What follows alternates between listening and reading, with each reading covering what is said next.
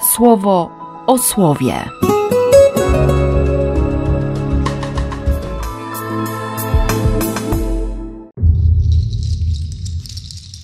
Dwudziesty piąty czerwca, sobota. Cały 61, 62 też rozdział to, to ta ogromna radość, bo po pierwsze, duch Pana poprowadził jego sługę i wszystko, co Bóg obiecał, naprawdę zostało wypełnione. Doczekało się. I jak to mówią niektórzy, wydarzyło się. I dzieje się wesele, bo są ludem pobłogosławionym przez Boga. To błogosławieństwo, to wybranie, ta łaska.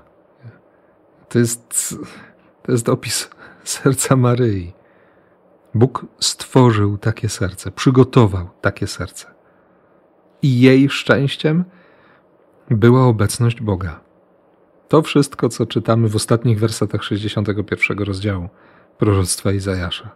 To jest po prostu szczęście Maryi. Płaszcz wybawienia, suknia szczęścia. Wszystko z powodu Pana. On jej dał to nowe serce, o które po raz kolejny prosiliśmy dzisiaj w jutrzni. Nie? Tym fragmentem z proroctwa Ezechiela, którym Bóg y, obiecuje nowe serce i nowego ducha. I piękne jest to, że Bóg robi, robi bardzo konkretną historię łaski i z tymi, którym zapowiedział tę radość w pierwszym przymierzu, i z Miriam. I on ją ciągle wychowuje, nawet kiedy ona ma Boga pod ręką, dosłownie. On ciągle każe zaglądać jej w serce. I on sam przygląda się jej sercu. Ta sytuacja, kiedy Jezus ma 12 lat, już ma prawo chodzić swoimi drogami. I nagle się okazuje, że nawet takie serca, jak serce Miriam czy, czy Józefa, nie zauważają nieobecności Boga.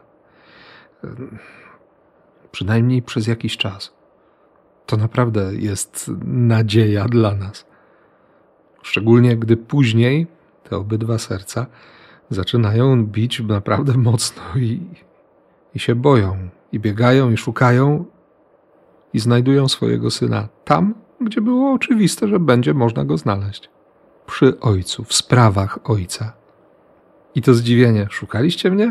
Dlaczego nie pomyśleliście, że zajmuję się sprawami mego ojca? I kolejne pocieszenie: nie zrozumieli nic z tego, co im powiedział. Więc wróci z nimi, zejdzie do Nazaretu i dalej będzie wychowywał, nie? Żeby, żeby jej serce ciągle biło tym zaufaniem, że nawet jak się znajdzie pod krzyżem, to, to jeszcze raz przyjmie słowo.